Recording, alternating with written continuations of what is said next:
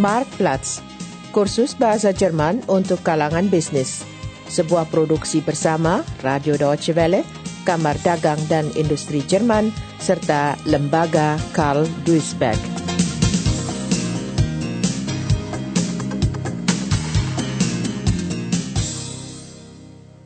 Episode 12 Usaha Patungan Jerman Rusia Suasana murung meliputi kantor mitra Jerman di suatu usaha patungan yang baru didirikan. Tak ada kabar dari pihak mitra Rusia, yaitu Kementerian Pengadaan Air. Mereka terkena imbas perestroika. Tak ada gunanya menilai apa yang tengah terjadi berdasarkan tolok ukur kita, padahal sudah waktunya memulai produksi.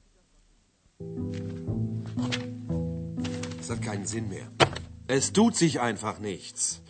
Beim Wasserwirtschaftsministerium herrscht absolute Funkstille seit Wochen.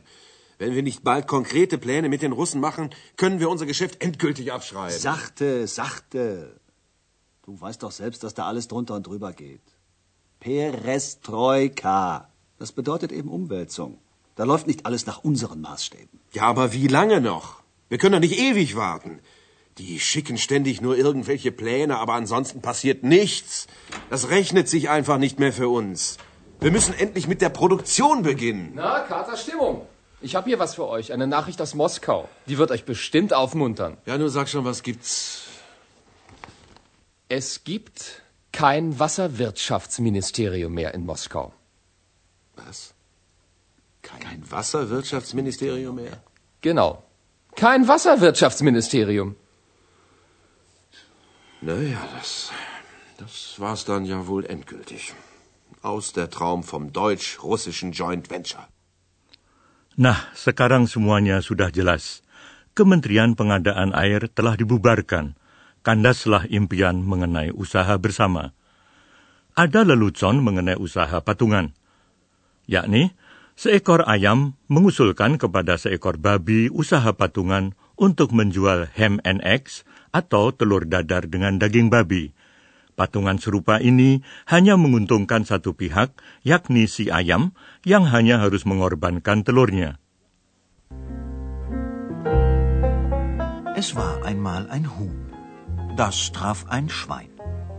Das Huhn sprach zum Schwein, ich habe eine tolle Idee. Wir machen ein Joint Venture auf. Und wie geht das? fragte das Schwein. Wir verkaufen Spiegeleier mit gebratenem Schinken.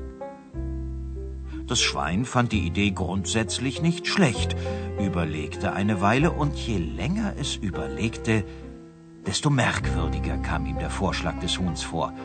Schließlich sagte das Schwein nachdenklich, Für dich ist das ja kein Problem, du legst täglich Eier. Aber wie soll ich das mit meinem Speck machen? Und das Huhn antwortete, ja, das ist ja gerade das Besondere an einem Joint Venture. Einer geht immer drauf. Jadi, pasti ada yang menjadi korban. Tentu saja ini hanya lelucon. Keberhasilan atau kegagalan usaha patungan ditentukan oleh banyak faktor. Dalam contoh kita, Kementerian Pengadaan Air yang dibubarkan sekaligus berhasil menenggelamkan mitranya. Perusahaan yang membentuk usaha patungan didorong oleh keinginan memperoleh keuntungan dari kerjasama itu. Jika saham masing-masing mitra ditentukan sebesar 50% dalam kontrak, maka setiap keuntungan dan kerugian pun dibagi rata. Ketika keuntungan meningkat, para mitra mulai saling menggeser dengan berusaha memperbesar andil masing-masing. Ada kemungkinan salah satu pihak akan mengambil alih seluruh andil mitranya, atau dapat juga disebut memangsanya, sehingga menjadi pemilik tunggal. Perusahaan Canex dari Jerman Barat memproduksi peralatan kontrol dan peralatan ukur dan pada tahun 1987 untuk pertama kali mencoba mendirikan usaha patungan dengan mitra Soviet. Mitranya, Kementerian Pengadaan Air, sangat bonafit. Tetapi pihak Moskwa mengulur-ulur segala sesuatu tanpa batas. Gedung bekas sekolah kejuruan seharusnya dirombak – tetapi tidak terjadi apa-apa. tidak ada subkontrak maupun permintaan informasi. Dengan getir, Rolf Haag, pemimpin perusahaan Kanex, mengenang rencana-rencana bisnisnya yang hebat. Moskau war das Problem. So, das zog sich unendlich lange hin. Man hatte dann ein äh, Gebäude ausgesucht, ein Gebäude, was früher mal eine Berufsschule war, die dann stillgelegt wurde, die sollte umgebaut werden. Wir drängten dann darauf, jetzt erteilt mal die Unteraufträge, damit die Umbauten stattfinden können. Das Ganze, die ehemalige Turnhalle dieser Berufsschule sollte als Fertigungshalle ausgebaut werden und so weiter und so fort. Ja, und wir hörten und sahen nichts. Es tat sich gar nichts. Keine Unteraufträge, noch nicht mal Anfragen, überhaupt nichts. Und es kamen immer tolle, tolle äh, Geschäftspläne, die immer toller wurden, je länger das dauerte. Setelah didesak, akhirnya ruang kantor darurat mulai disiapkan, tetapi itu pun tidak berhasil. Dan kemudian perestroika bergulir. Kementerian Pengadaan Air diubah menjadi perseroan terbatas. Privatisasi semu. Demikian komentar Rolf Haag dengan sinis, sebab mana ada yang berminat pada saham kementerian itu. Und äh, dann hat man auf unser Drängen hin versucht, Provisorien einzurichten in provisorischen, angemieteten äh, Fertigungshallen, was aber dann auch nicht funktioniert hat. So stellte sich dann heraus, nach einer gewissen Zeit, Perestroika, es gab plötzlich keinen äh, kein Ansprechpartner mehr äh, auf russischer Seite. Früher hatten wir ja das Wasserwirtschaftsministerium, das gab es nicht mehr. Das wurde jetzt stolz umbenannt in eine Aktiengesellschaft. Also pseudo-privatisiert, wenn Sie so wollen. Denn äh, wer wollte schon die Aktien dieses, dieses Ministeriums haben? Man hat damals eine ganze Reihe von Ministerien zerschlagen und privatisiert sozusagen. Akhirnya tak ada jalan selain melikuidasi usaha patungan itu. Kejadian yang dialami perusahaan Kanex merupakan kejadian yang sangat umum. Penelitian yang dilakukan Institut Statistik Rusia, Goskomstat, menunjukkan bahwa pada tahun 1995 terdapat 15.700 usaha patungan antara pengusaha Rusia dan mitra asing. Tetapi hanya setengah dari jumlah itu mampu memulai kegiatan usaha.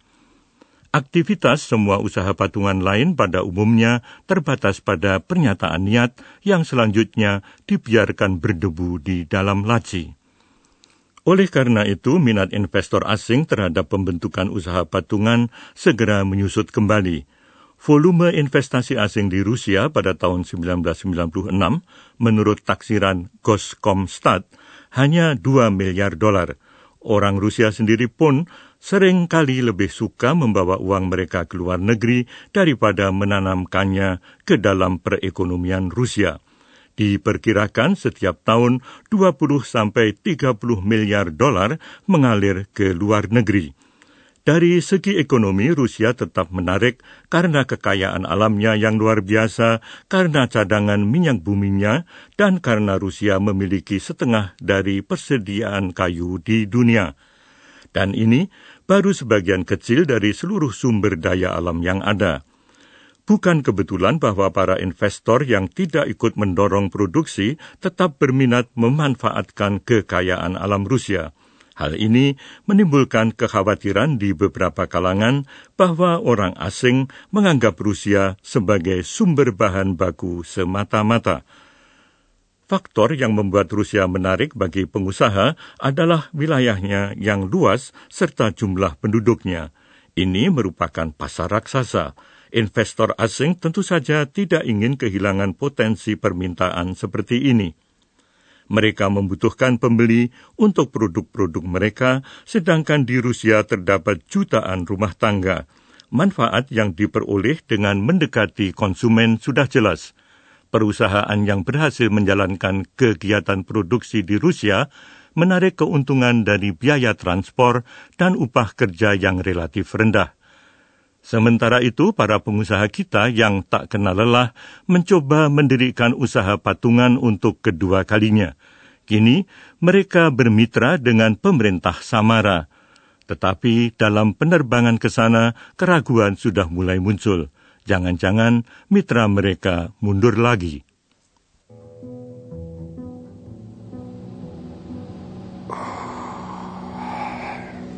Noch drei Stunden. Dann sind wir in Samara. Ich kann es kaum erwarten.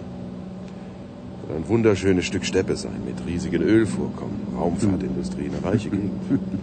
Nee, aber mal ehrlich, jetzt geht's richtig los. Wir haben eine Menge Material im Koffer.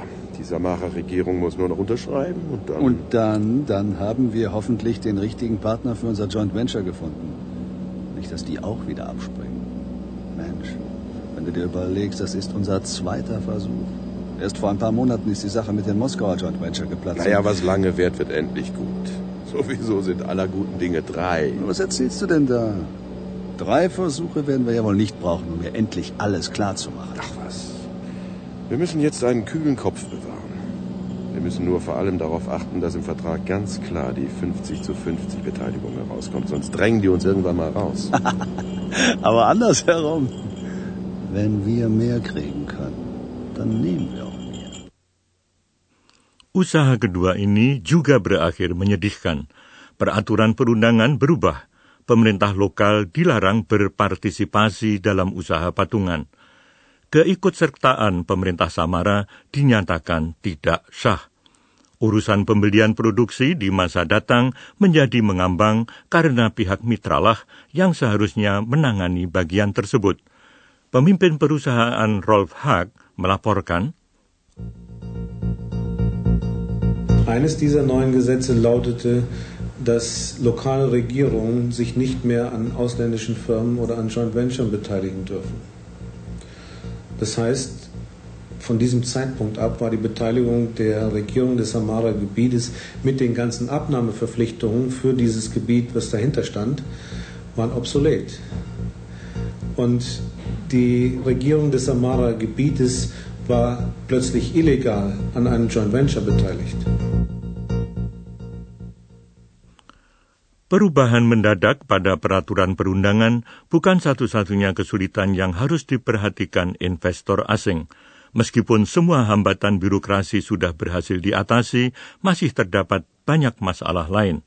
Sistem transportasi yang ketinggalan zaman, korupsi, dan pemerasan. Mereka mau memperdaya kita, demikianlah kecurigaan yang timbul dalam benak para mitra Jerman pada saat penandatanganan kontrak. Mereka berbicara mengenai bangunan pabrik yang kumuh. Nilainya tidak mungkin setengah juta, biarpun angka itu tertulis dalam kontrak. Tidak ada yang tertulis. Bangunan pabrik ini bahkan tidak tercatat dalam daftar perniagaan resmi. Pihak Rusia sebaliknya tidak puas dengan pendidikan karyawan. Pembahasan di sini meliputi persaingan dan strategi pemasaran. Bagi mitra Rusia, ini hanya omong kosong. Komentar tersebut membuat pihak Jerman tersinggung. Kalian pikir kalian tinggal menekan sakelar dan ekonomi terencana langsung berubah menjadi ekonomi pasar. Tidak semudah itu. Das hat in den Vorsprechen kein Mensch erwähnt. Das ist doch verrückt. Denk doch mal, was ist ja los in diesem Land? Die wollen uns über den Tisch ziehen. Was soll das? Die alte verrottete Halle ist doch nie im Leben so viel wert. Die bricht doch jeden Moment zusammen. Hier steht es im Vertrag. Eine halbe Million. Ja, was ist das überhaupt für ein Vertrag, mit dem Sie da herumwedeln? Raten Sie mal. Der Joint Venture Vertrag wahrscheinlich. Ich kenne den Vertrag selbst sehr gut. Nichts, gar nichts steht da von dieser Halle. Sie haben doch überhaupt keine Halle in das Joint Venture eingebracht.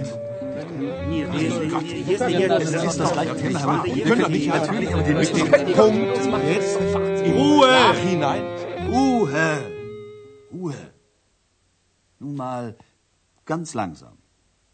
Wenn es die Halle gibt, und es soll ja um noch mehr gehen, irgendwelche Drehbänke und Filteranlagen, dann muss das alles ja im Handelsregister eingetragen sein, schwarz auf weiß. Ist doch ganz einfach. Eure Arbeit ist doch auch nur die Hälfte wert. Ihr kommt hierher, redet was von Mitarbeiterschulung und erzählt was von Wettbewerb und Verkaufsstrategien. Nichts als heiße Luft ist das. Ach ja? Und natürlich wussten Sie das schon alles selbst, ist ja klar. Sie hatten da einfach einen Schalter, den haben Sie umgelegt und aus Planwirtschaft wurde Marktwirtschaft. Ich sage es jetzt mal ganz direkt. Ihr habt doch alle keine Ahnung. Jetzt beruhige dich doch mal. Wir werden sehen, wer hat den längeren Atem. Wir bekommen zurück, was wir in dieses unsinnige Unternehmen gesteckt haben. Und zwar zum richtigen Preis. Dem Preis, der in unseren Büchern steht.